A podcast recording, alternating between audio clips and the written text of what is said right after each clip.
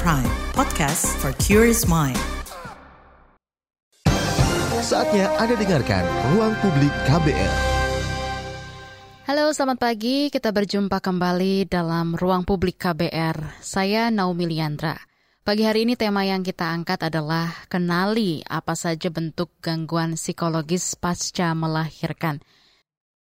Saudara, saat ini kesadaran dan kepedulian akan kesehatan mental mulai meningkat. Berdasarkan survei yang dilakukan sebuah lembaga riset internasional tahun 2022, ada sebanyak 64 persen responden di Indonesia sering mencari tahu kondisi kesehatan mentalnya. Salah satu isu kesehatan mental yang sekarang sedang ramai dibicarakan adalah gangguan psikologis pasca melahirkan.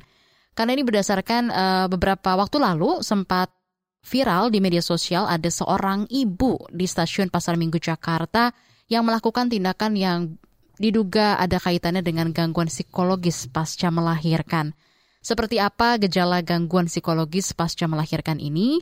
Lalu bagaimana cara mengatasinya? Kita akan perbincangkan ini di ruang publik KBR bersama psikolog Rini Hapsari Santosa. Selamat pagi Mbak Rini.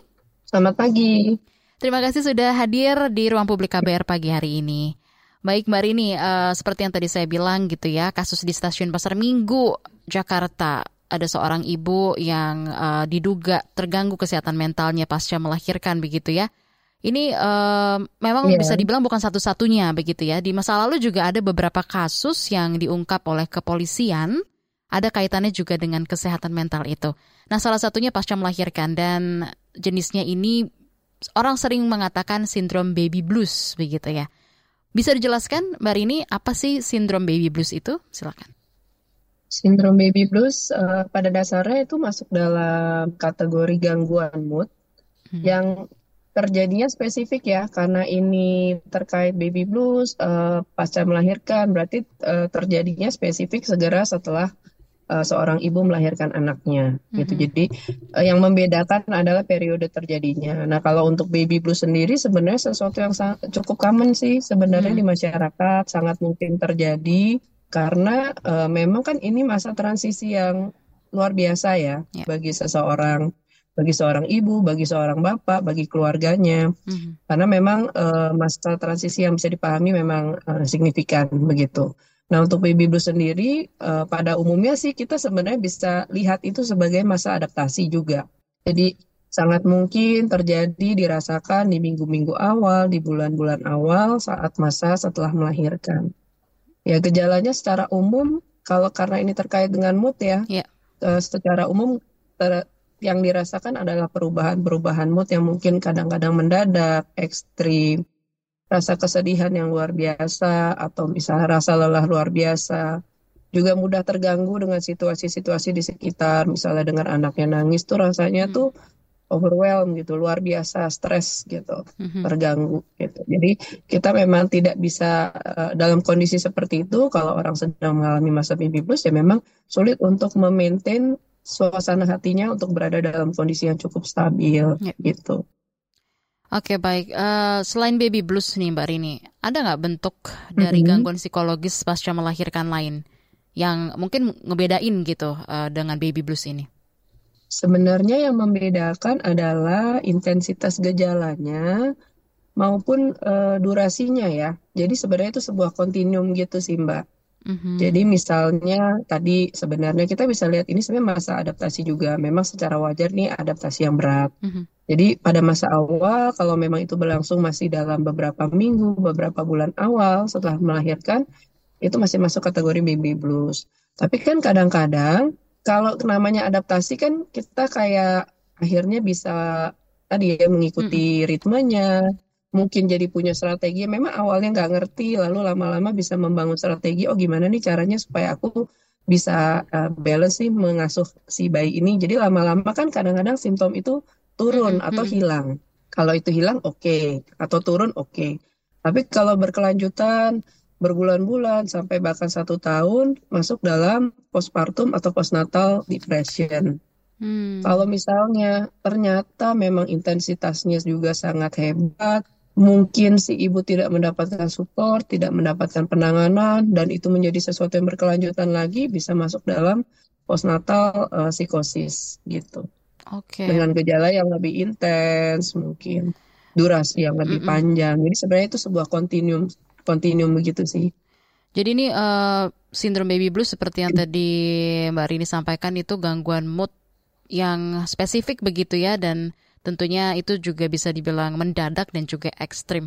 Tapi Mbak kalau soal durasi ini Mbak, mungkin nggak sih ada durasi ada nggak durasi tertentu misalnya sebulan atau dua bulan setelah lahiran itu disebut baby blues nggak? Atau apa nih indikasi ini dibilang oh dia lagi baby blues gitu. Orang orang tuh bisa tahu nggak sih dia tuh baby blues? Kadang kan orang nebak-nebak gitu ya. Rata-rata di bulan Gimana tuh Mbak? rata-rata di bulan pertama sih, di bulan pertama. Mm-mm. Eh, dan sebenarnya gimana ya? Tidak ada ibaratnya kalau se- sebagai masyarakat awam ya kita atau kita sebagai orang yang sedang mengalami atau kita sebagai orang dekat yang mengalami ya kita memang perlu lihat, kita observasi, cek kondisi diri. Kalau eh, ibu-ibu baru melahirkan mengalami kelelahan, eh, terus eh, sulit tidur, mungkin ada stresnya juga, menyusui dan segala macam itu pasti ada Oke. gitu. Cuma yang kita perlu cek adalah intensitasnya. Apakah ibaratnya gini loh, Mm-mm. eh, Mbak, nggak mungkin kan orang dalam kondisi yang memang capek tuh dia smooth aja gitu. Mm-mm, Pasti mm. dalam keseharian memang ada naik turunnya. Pas Oke. lagi pas lagi ada kesempatan istirahat, tenang, dia bisa turun, bisa tenang. Pas lagi memang dia harus sibuk, kadang-kadang emosi kita naik. Itu Iya. itu kita bisa lihat bahwa itu ibaratnya manusia memang emosinya naik turun sesuai kondisi yang sedang terjadi. Kita bisa naik, tapi kalau kondisi udah mereda, kita bisa turun. Itu sebenarnya kondisi normal. Oke. Gitu. Kita perlu menyadari bahwa ya kita memang seperti itu gitu. Nah, Oke. tapi kalau kondisi yang kita mesti rasakan atau perhatikan bahwa ini indikasinya mungkin lebih eh, Serius. serius dan Mm. perlu mendapat perhatian adalah ketika kita merasanya tuh seperti stuck gitu. Jadi misalnya ada nih saatnya kita stres, sedih nih anak nangis, eh, lagi mau nyusu nggak bisa-bisa segala macam. Tapi kalau itu lewat kan itu harusnya kita turun ya. Iya. Tapi mungkin kita bisa perhatikan kalau situasinya saat itu sudah berlalu atau kondisi udah tenang, anaknya udah tidur, lagi nggak ada apa-apa, kita masih terus berada Hmm. dalam kondisi emosional yang intens terus. Jadi itu pembedanya. Lalu kedua, tadi ya kelelahan itu pasti. Tapi misalnya kita mengasuh bayi kan sebenarnya ada ada capeknya, tapi mungkin pasti. ada faktor apa ya? Senengnya, Mhm. gemesnya, atau kayak aduh senengnya lihat dia tidur misalnya, atau lucu Iya. ya dia senyum-senyum. Jadi Mm-mm. kita juga di antara kelelahan itu kita masih ada merasakan kesenangan-kesenangan kecil gitu, kebahagiaan Oh. kecil di situ. Sometimes bagi para ibu yang sedang berada dalam kondisi yang tidak baik, Mm-mm. Nggak dapet tuh. Jadi koneksinya itu nggak dapet sama si si bayi gitu. Jadi dapet Mhm. capeknya, dapet lelahnya, tapi kayak momen-momen kesempatan dia merasa nyaman, merasa sayang, merasa connect sama anaknya itu yang itu yang terutama membedakan ya. Oke, termasuk sama intensitas gejala atau eh, durasinya ya, eh, Mbak Rini. Biasanya itu setiap Betul. orang memang berbeda-beda atau memang ada jangka waktu tertentu gitu bahwa dia eh, memang kena baby blues gitu karena memang tadi kan sempat dibilang gitu ya, misalnya eh, babynya udah nggak rewel lagi, misalnya seperti itu, tapi si sang ibu masih merasakan eh, mood swing gitu ya, kurang lebih seperti itu. Apakah intensitas atau durasinya ada yang waktu tertentu atau memang tergantung dari kondisi si ibu ini sendiri? Durasinya itu sih yang kita perhatikan. Kadang-kadang apakah ini berlangsung terus-menerus sepanjang hari, berapa minggu atau berapa bulan itu sih yang kita lihat gitu. Jadi Oke, kalau memang kita memang naik turunnya mood kita dan ya. tingkah laku kita masih sekira-kira masih match sama situasinya itu basically normal. Oh, oke. Gitu. Tapi kalau gejala-gejala baby blues dan gangguan psikologis ini hanya terkait dengan mood aja kah, Mbak? Atau sudah ada ciri-ciri fisiknya gitu, Mbak Rini? Ciri fisik Hmm. biasanya terutama tadi ya mood, lalu kadang-kadang mungkin membawa mengarah pada perubahan tingkah laku juga ya, Perubahan karena memang laku. dia benar-benar kelelahan secara fisik dan emosional, mungkin lama-lama kita bisa lihat kemampuan atau eh, energi untuk bisa melakukan hal lain. Ya Mhm. kadang-kadang kita lihatnya gini, mungkin dia akan semakin lebih eh, pasif, Ya. lebih mengisolasi diri, nggak ada energi gitu untuk ketemu orang, untuk keluar gitu. Ciri-cirinya seperti itu. Atau lama-lama juga jadi kesulitan. Mungkin kadang-kadang efeknya adalah ketidur gitu kan. Hmm, hmm, Kalau hmm. memang secara memang apa ya, balik lagi kalau itu dalam ritme normal, toh waktu kita akan ada kesempatan ke istirahat ya udah pasti akan dia langsung istirahat gitu, akan ketiduran bahkan. Iya. Tapi memang dalam intensitas yang memang jadi terlalu mengganggu dan itu tidak bisa turun, kecemasannya, terus aktivasi emosinya, maka kadang-kadang sulit tidur juga. Gitu. Oke, baik. Eh, saya kan juga seorang ibu ya, Mbak Rini ya. Ketika hamil dan juga melahirkan, pastinya eh, seorang ibu tuh juga mengalami yang namanya perubahan hormon. Atau juga sebelumnya si ibu ini sudah ada kondisi tertentu atau masalah kesehatan mental misalnya. Juga ada saat eh, ibu mulai kurang pede pada fisiknya juga ketika masa kehamilan. Nah, seperti apa nih Mbak Rini? Hal-hal ini nantinya mempengaruhi kondisi psikologis ibu pasca melahirkan. Apakah faktor ini juga ada yang menjadi penyebabnya? Mungkin bisa dijelaskan, silakan. Oke, tentu faktor-faktor tersebut akan menjadi faktor risiko ya. Maksudnya eh, saat kita memasuki masa kehamilan, melahirkan dalam kondisi yang tidak oke gitu ya, banyak faktor di sekitar kita, banyak pengalaman juga yang mungkin mengganggu, traumatik, atau memang kesulitan dan kesulitan itu terjadi, tentu itu akan menjadi faktor risiko gitu. Jadi eh, sangat mungkin itu semakin banyak eh, apa ya isu lain Hmm. atau eh, history gejala atau keluhan sebelum-sebelum eh, masa kehamilan dan melahirkan itu ada ya bisa jadi itu menjadi lebih berisiko sih sebenarnya begitu. Tapi kalau tanpa faktor resiko itu gejala baby blues bisa mungkin muncul nggak, Mbak Rini? Bisa juga karena kan kalau kita Hmm. ngomong faktor risiko itu banyak dan luas ya. Ada faktor biologi, psikologi, sosial dan bisa jadi kondisi sebelumnya dia oke tapi ternyata perubahan ini membawa perubahan yang dia di luar ekspektasi, di luar bayangan dia. Karena kan zaman Contohnya? sekarang ibu-ibu juga sangat eh, wah udah rajin-rajin ya, maksudnya juga eh, punya banyak sumber informasi. Jadi kadang-kadang persiapannya tuh Well secara knowledge gitu ya. juga Mm-mm. udah prepare, rajin ikut ini, ikut itu. Tapi ya somehow kalau memang ternyata ada hal-hal yang di luar ekspektasi dia, kadang ya eh, itu akan jadi apa ya?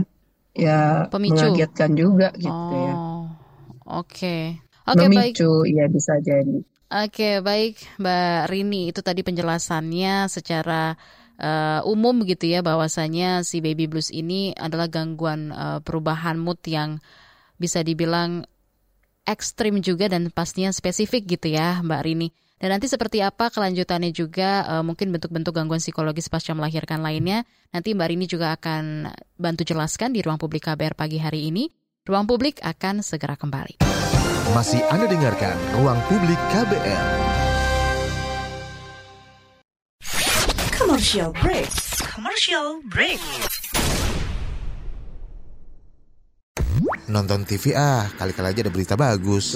Iya apaan sih, acaranya gosip, sinetron, itu terus. Matiin aja ah, bosen. Hah, mending baca koran. Coba deh kali ada berita seru ya. Pemilihan presiden tahun 2019. Dih, berita tahun kapan ini? Kirain koran baru. Eh, basi. Perhatian, perhatian.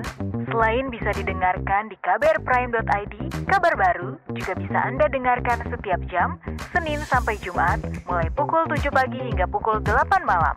Di radio jaringan KBR seluruh Indonesia, dari Aceh hingga Papua. Masih Anda dengarkan Ruang Publik KBR. Anda masih menyimak ruang publik KBR. Kita sedang membahas mengenai apa saja bentuk gangguan psikologis pasca melahirkan. Baik, eh, Mbak Rini, ketika nih gejala gangguan psikologis pada ibu yang baru melahirkan sudah muncul, gimana cara mengatasinya ya Mbak Rini ya? Apakah bisa dicegah sebelum itu terjadi? S- kalau mau ngomong dicegah sih sebenarnya mungkin lebih ke arah persiapan ya. Persiapan memang pada saat menikah, pada saat mau eh, memasuki masa kehamilan, berencana untuk hamil selama masa kehamilan dan sebagainya.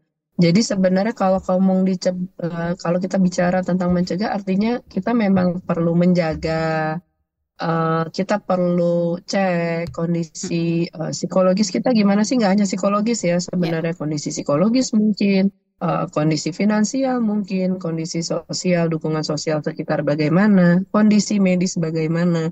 Karena yang tadi saya bilang faktor resiko itu sebenarnya kompleks gitu ya.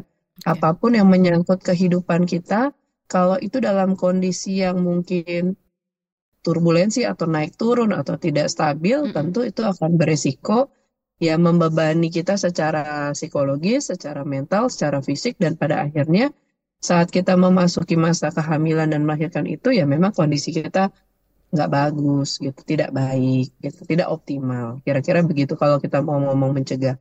Tapi kan kadang-kadang kita bisa bisa bilang begini, kita kan nggak kondisi tidak selalu ideal ya yeah. dan tidak semua orang berada dalam kondisi yang yeah. sama tidak semua orang bisa dalam kondisi yang ideal untuk uh, melahirkan dan punya anak nah mm -hmm. itu makanya kadang-kadang ya memang sudah jadi kalau kita mau bilang mempersiapkan berarti uh, tujuan kita adalah memproses sebanyak mungkin ya isu-isu dalam kehidupan kita apa nih kira-kira yang kita bisa lakukan apa yang bisa membantu kita ya untuk mempersiapkan masa ini secara hmm. khusus gitu.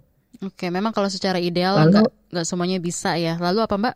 Ya, lalu kalau misalnya ya memang terjadi dan dirasakan, nomor satu harus ada kesadaran dulu ya, kesadaran, awareness dulu. Oh, ini kayaknya sesuatu yang uh, lebih dari biasanya, lebih dari pada umumnya, wajarnya hmm. saya rasakan gitu.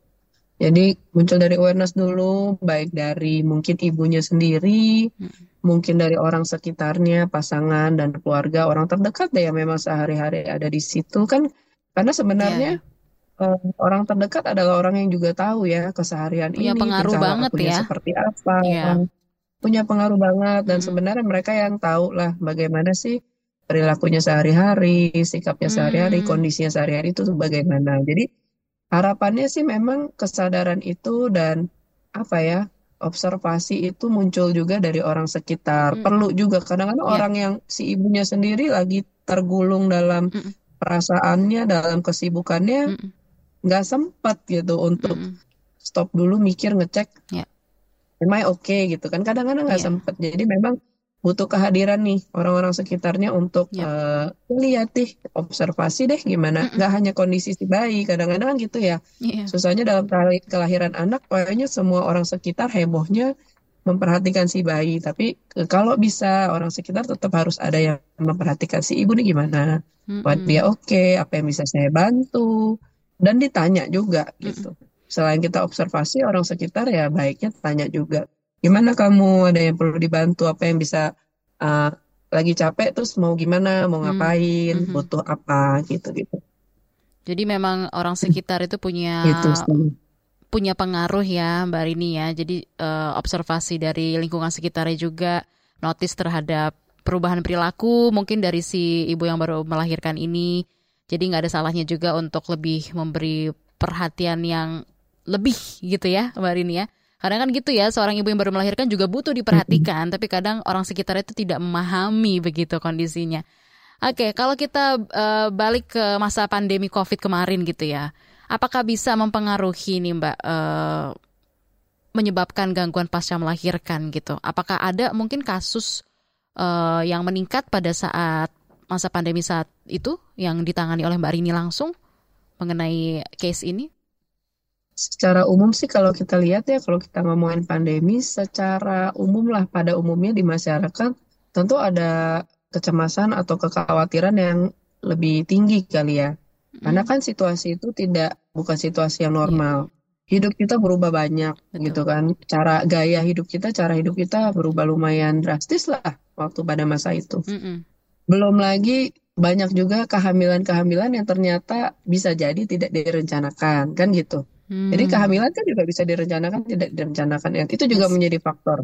Gitu. Jadi kalau memang situasi secara umum di lingkungannya di areanya memang ada peningkatan, ada potensi peningkatan stres, kecemasan, tentu ya berpengaruh juga bagi si ibu yang sedang hamil dan mau dan melahirkan. Kan kira-kira begitu.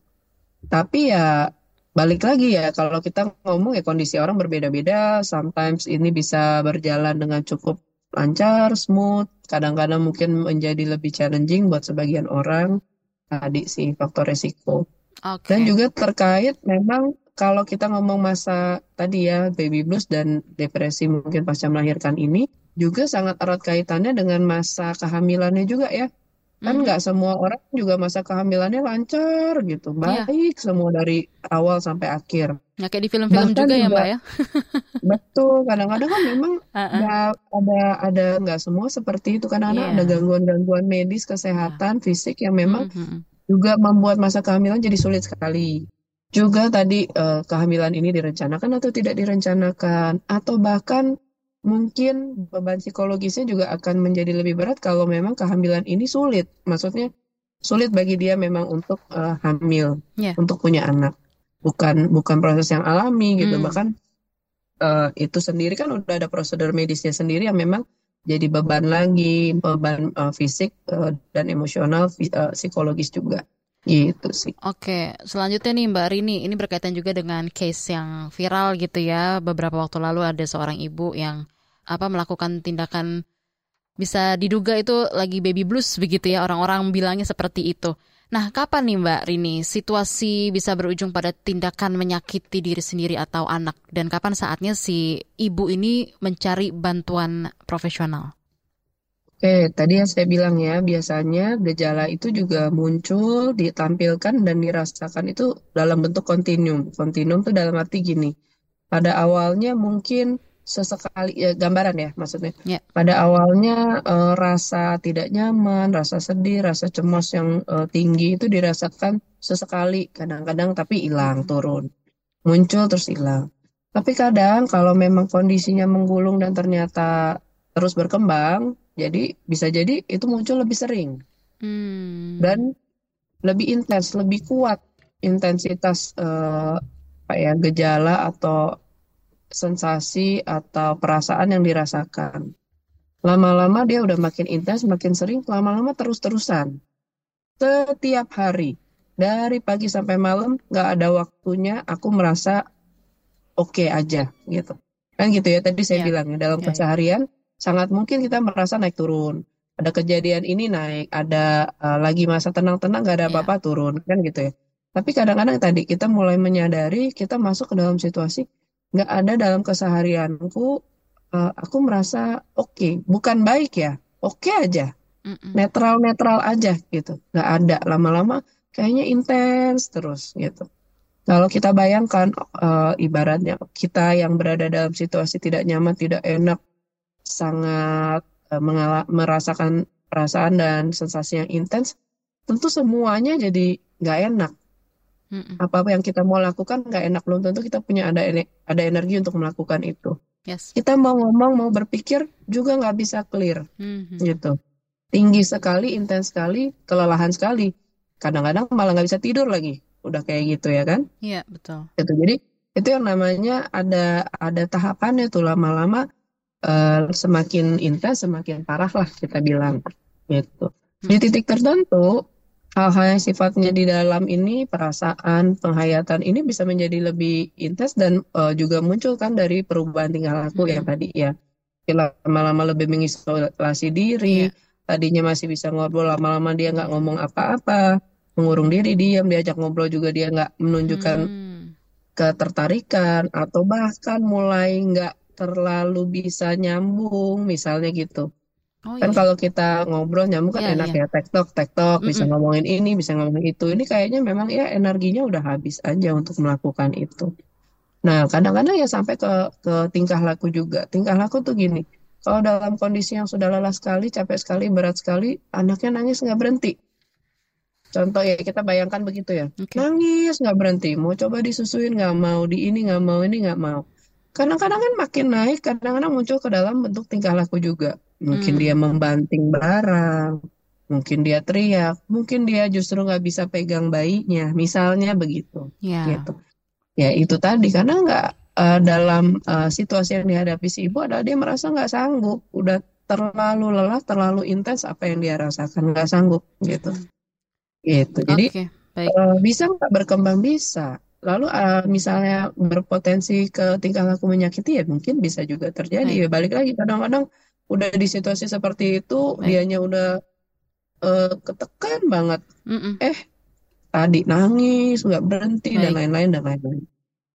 Baik Mbak Rini, sebelum kita jeda, uh, kita coba sapa dulu sudah ada pendengar yang ikut bergabung di telepon bebas pulsa KBR. Selamat pagi Ibu Lia di Jakarta. Pagi Selamat Bu. pagi. Iya. Silakan Ibu Lia. Ya, terima kasih. Ini saya mau tanya, ini kalau gangguan psikologis ini atau baby blues ini emang selalu terjadi satu bulan setelah pasca melahirkan atau bisa terlambat ya Bu? Apakah dia bisa bertahun-tahun setelahnya atau beberapa bulan setelah melahirkan? Apakah itu masih baby blues atau ada nama lain? Kemudian saya juga ingin tanya, biasanya kan kalau apa ya ibu itu habis melahirkan ada naik turun mood atau dia stres, itu orang-orang langsung menyimpulkan, langsung memberikan stigma kalau oh ini pasti kamu kena baby blues. Nah, apakah iya emang itu baby blues atau cuman naik turun mood aja? Itu aja sih. Terima kasih. Baik, terima kasih. Dari Jakarta ada Ibu Lia yang memberikan uh, pertanyaannya untuk narasumber kita pagi hari ini dengan psikolog Mbak Rini Hapsari. Nanti akan coba dijawab ya oleh Mbak Rini. Tentunya untuk Anda pendengar yang juga sudah memberikan pertanyaan atau komentar Anda melalui channel YouTube Berita KBR ataupun juga WhatsApp di 0812 118 8181. Nantikan jawabannya setelah pesan-pesan berikut ini. Masih Anda dengarkan Ruang Publik KBR. Yuk follow social media KBR. Twitter at Berita KBR, Instagram at KBR.id, Youtube Berita KBR. Masih Anda dengarkan Ruang Publik KBR. Kenali apa saja bentuk gangguan psikologis pasca melahirkan. Di ruang publik KBR bersama narasumber kita ada psikolog Mbak Rini.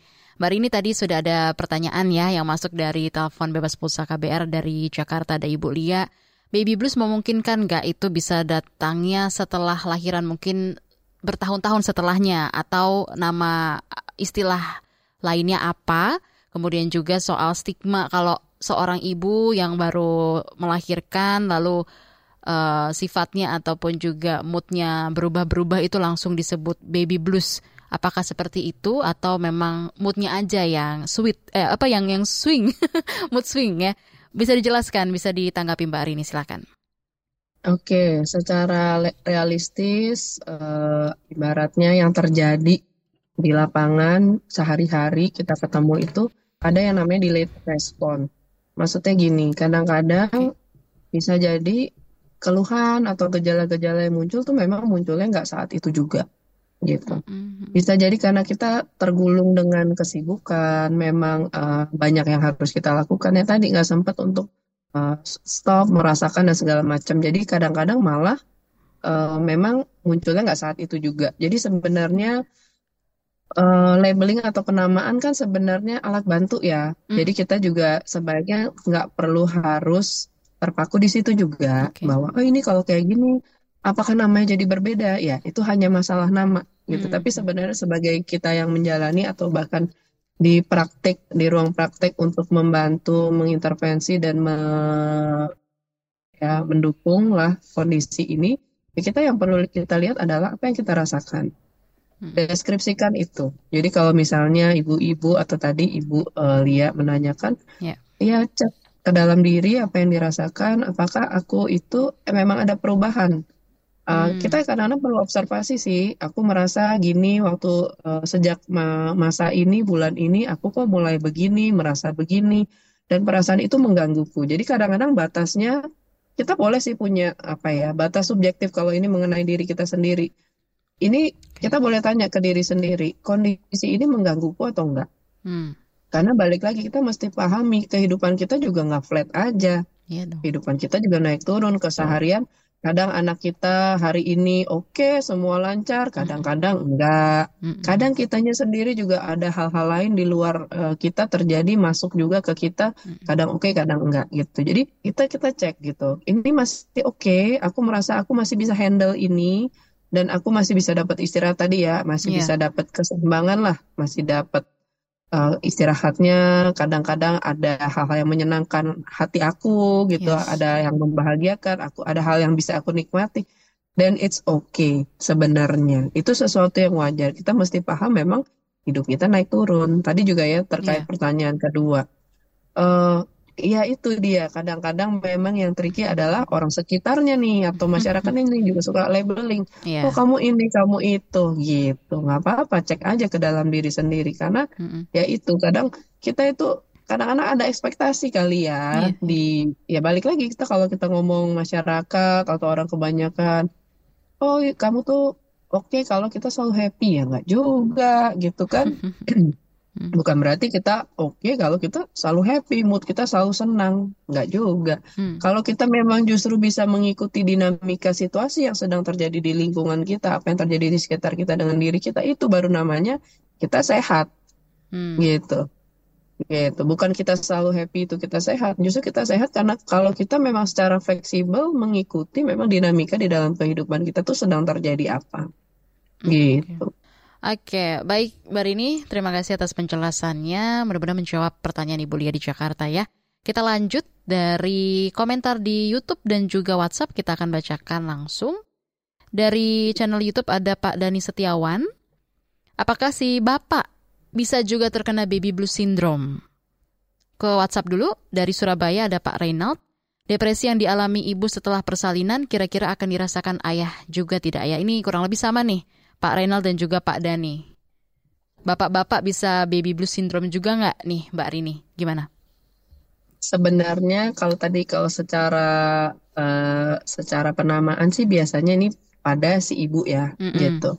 Tapi mungkin nggak si bapak-bapak ini juga mengalami gejala psikologis, juga merasa terganggu, capek, moodnya juga naik turun. Mungkin nggak? Ya mungkin. Tentu saja mungkin terjadi karena kan eh, begitu anak la- ya kita menikah aja bapak ibu suami istri pasti saling mempengaruhi dong. Kondisi istri mempengaruhi suami suami mempengaruhi istri gitu kan. Kita kan jadi satu kesatuan unit gitu kan yang Iya. tinggal bersama gitu. Ya dengan kehadiran si bayi ini toh juga perubahan kan. Bukan hanya dirasakan si ibu ya. Apalagi bapak eh, apalagi kalau bapak ini juga terlibat juga sering spend time menghabiskan waktu bersama. Dia juga lihat bagaimana eh, istrinya apa yang diistri lakukan si istri dia juga merasakan bahwa dalam rutinitasnya dia mengalami perubahan ada kerjaan-kerjaan baru tanggung jawab baru gitu-gitu jadi sangat mungkin juga Mhm. bapak-bapak ini juga mengalami Oke. Jadi nggak menutup tuh kemungkinan eh, ya. perubahan naik turunnya iya dan balik lagi kita jangan terikat sama labelnya yang penting kita lihat apa adanya aja yang kita rasakan Yes. tuh gimana efeknya gimana dalam kehidupanku mengganggu nggak? Kadang-kadang eh, strategi gimana nih? Gitu supaya kita bisa maintain rutinitas ini bisa enak gitu kan? Kadang-kadang ya butuh komunikasi ya kan? Strateginya gimana? Apa yang bisa resource? Apa yang Mhm. kita bisa membantu kita sebagai tadi sebagai ibu sebagai ayah ya sebagai keluarga gitu. Kita butuh support apa sih? Ya coba kita cari kita lakukan. Kita minta gitu. Kita tanya kita ngomong gitu Oke, lanjut lagi nih Mbak Rini dari channel YouTube kita baca ada Pak Arif Kurniawan. Apakah ada terapi atau edukasi tertentu mengenai baby blues? Gimana nih Mbak Rini?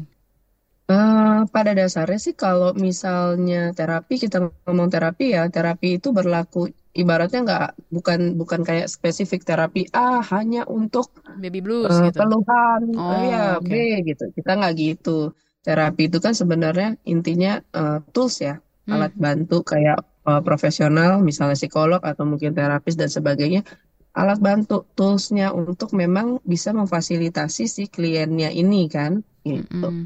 kalau dibilang khusus ya tentu tidak ada yang khusus, tapi apa yang kira-kira sesuai untuk kondisi saat ini, Ya. apa yang cocok, apa yang bisa berjalan, eh, ya itulah yang kita coba lakukan.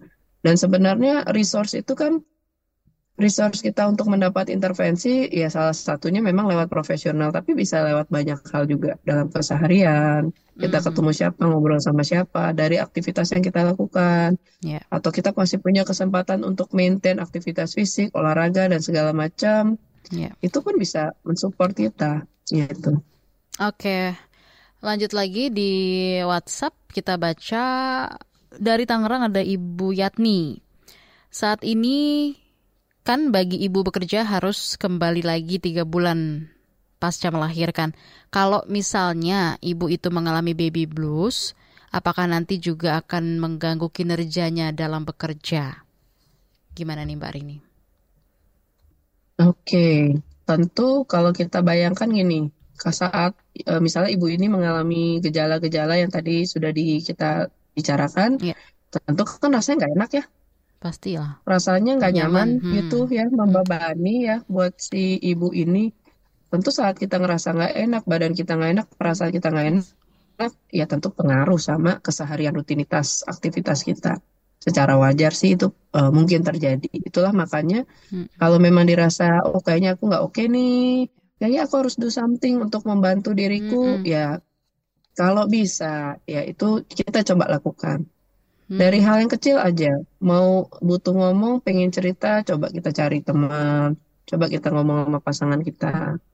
Dan ya tadi saya bilang kadang-kadang orang yang memang masuk dalam uh, masa ini memang dia udah penuh gitu ya.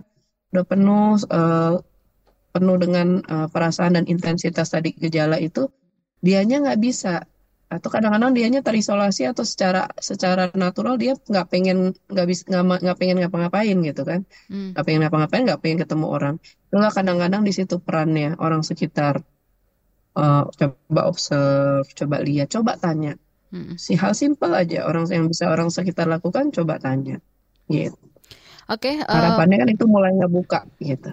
Oke, jadi sebenarnya penting juga ya eh, Mbak Rini kita eh, sebagai ibu juga memahami diri kita juga ketika kita sudah mengalami hal-hal yang nggak pernah kita rasakan sebelumnya, nggak ada salahnya kalau kita uh, ke bantuan profesional juga gitu ya. Apalagi kalau gejalanya muncul kontinu seperti yang tadi Anda sampaikan gitu ya. Oke, lanjut lagi satu pesan WhatsApp yang masuk dari dari Bali ya, ada Ibu Ratna. Saya juga mengalami kondisi-kondisi psikologis ini. Untungnya suami dan keluarga sangat membantu dan berusaha memahami. Tapi kalaupun begitu saya masih tetap merasa stres. Ini wajar nggak ya? Apa yang harus dilakukan? Kemudian satu lagi nih Mbak Rini dari Jakarta mendengarkan melalui MS3 FM. Halo Ibu Ayu. Sekarang di medsos atau web suka ada konsultasi psikologi online. Direkomendasikan nggak Gimana nih uh, Mbak Rini? Mungkin bisa satu dulu yang dijawab, setelahnya akan dijawab setelah jeda. Silakan. Dari Ibu Oke, Ratna di Bali dulu. Tadi ya, ya, misalnya ada kesadaran bahwa oh saya struggle nih dengan situasi ini, tapi orang sekitar sebenarnya sudah membantu. Mm -mm. Nah, di titik ini itu yang tadi sih bisa jadi uh, ternyata support itu masih belum cukup untuk uh, diri kita memproses apa yang juga sedang kita rasakan. Yeah. Jadi di titik ini Bu mungkin bisa dipertimbangkan untuk cari resource lain. Salah satunya tadi konsul ke profesional kah atau mungkin coba melakukan hal-hal yang lain yang berbeda gitu. Okay. Jadi memang resource itu kita butuh banyak. Hmm, butuh banyak satu sekali ya? dan yeah. dan kita yang perlu kita juga buka di sini buka uh, pikiran kita bahwa resource itu juga bentuknya bisa macam-macam sekali. Jadi apa pun yang kira-kira ibu temukan, ibu rasakan, kadang-kadang bisa berupa hal kecil, bisa berupa hal yang besar. Hmm. Kadang-kadang intinya kita perlu maintain juga dalam keseharian kita apa nih yang bisa menyenangkan aku, hmm. apa nih yang bisa bikin kita relax. Kadang-kadang apakah latihan-latihan tertentu, latihan pernafasan mungkin untuk yeah. membantu relaksasi, uh, meditasi mungkin, macam-macam. Orang kan punya preferensi, yeah. gitu. Jadi resource itu pakai se sebanyak-banyaknya. Gitu. Oke, okay, baik Mbak Rini. Nanti kita lanjutkan kembali uh, menjawab juga pertanyaan yang ditanyakan oleh pendengar kita dari Jakarta, ada Ibu Ayu ya, soal konsultasi psikologi online itu direkomendasikan atau tidak. Setelah pesan-pesan berikut ini, tentunya dalam ruang publik KBR. Masih Anda dengarkan ruang publik KBR. Commercial break. Commercial break. Aduh, hari ini gue bakal capek banget deh. Masuk pagi buta, full sampai sore. Ditambah harus kerja kelompok.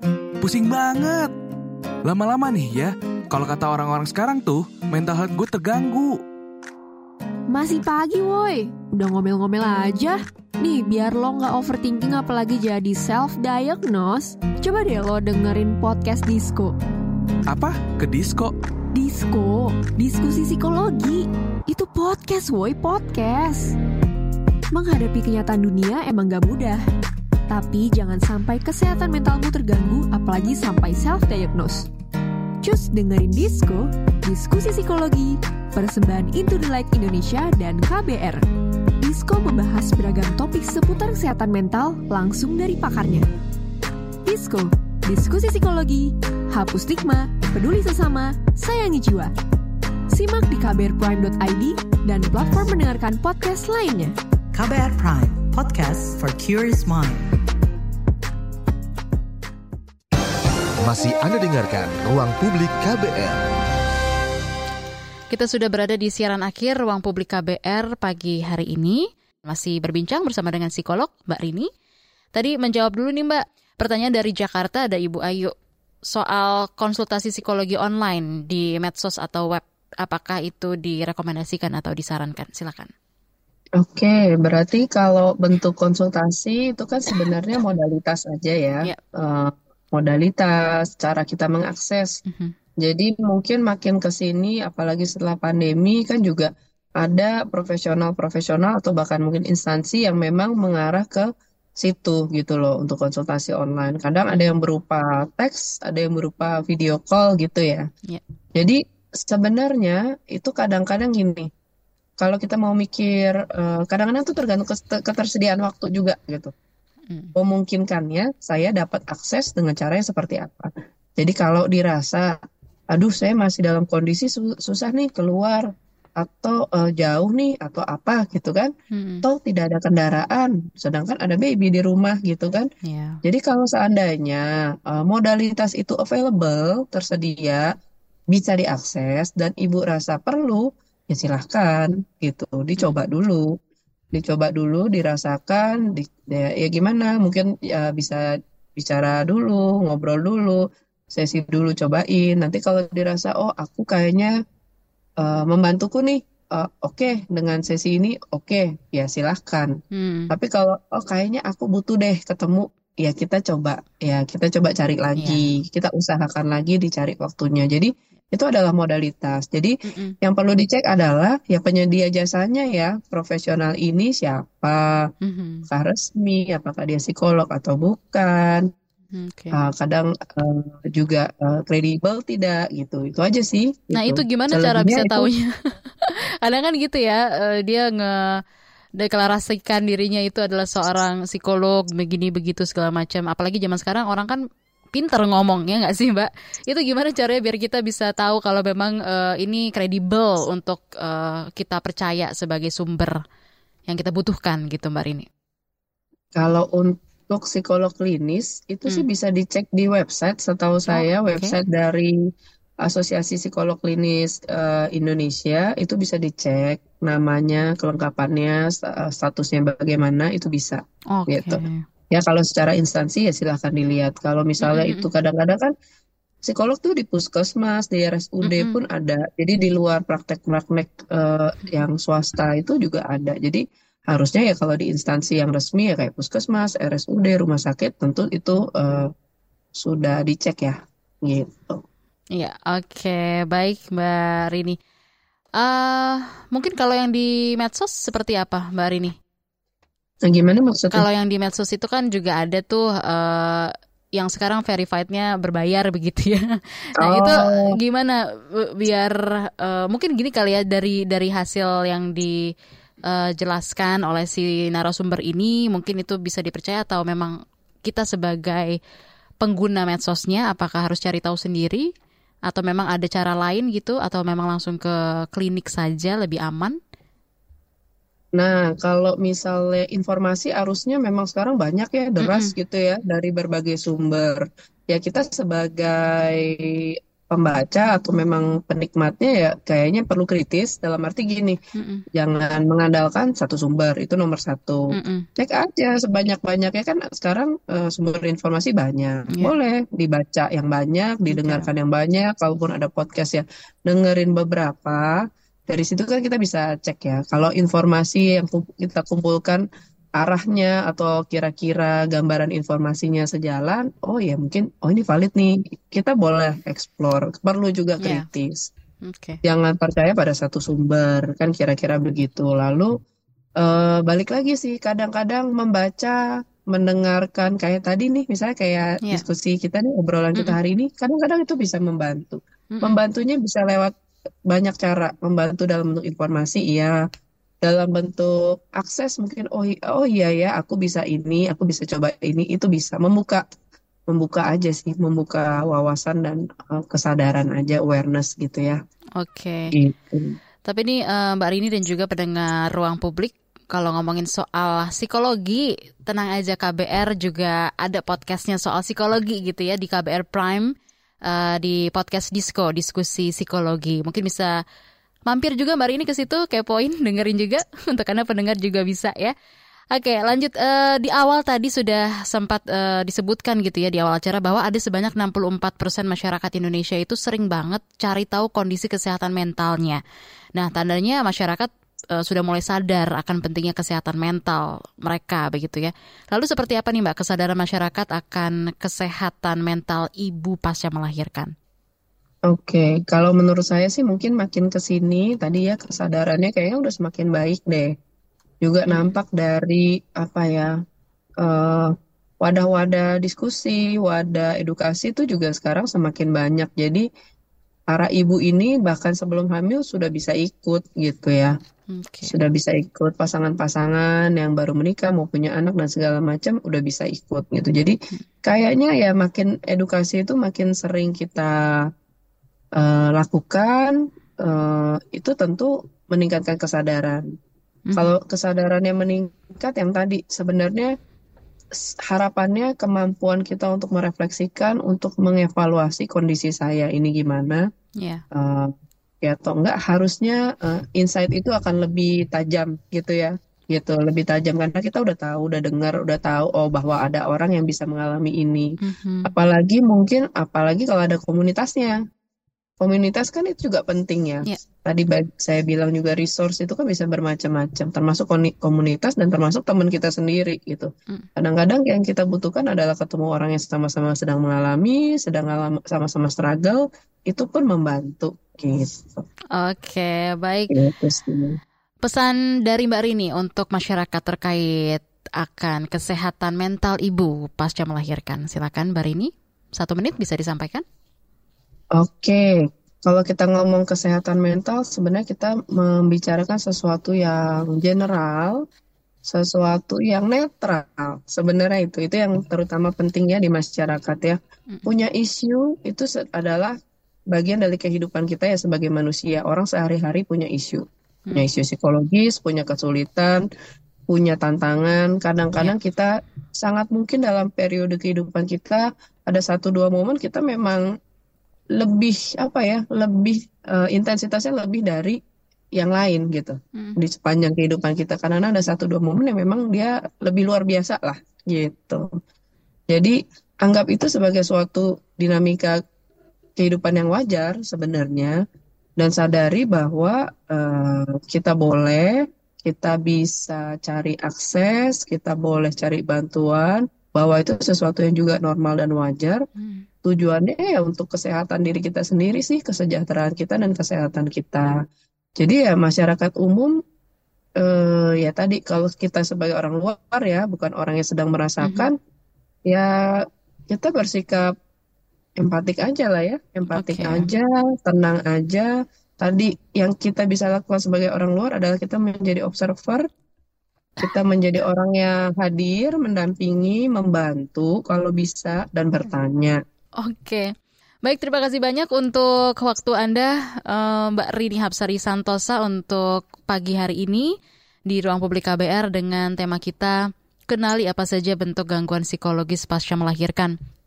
Untuk Anda juga pendengar, terima kasih banyak yang sudah ikut berpartisipasi memberikan komentar, opini, dan juga pertanyaan Anda di telepon bebas pulsa KBR 0800 2457 893. Di WhatsApp juga terima kasih yang sudah masuk ke 0812 118 8181 atau yang sudah komentar juga di channel YouTube Berita KBR. Terima kasih ya Mbak Rini, psikolog kita pagi hari ini atas penjelasan-penjelasannya dengan tema kita Kenali apa saja bentuk gangguan psikologis pasca melahirkan.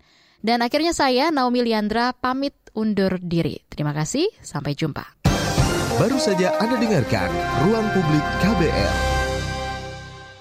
KBR Prime, cara asik mendengar berita. KBR Prime, podcast for curious mind.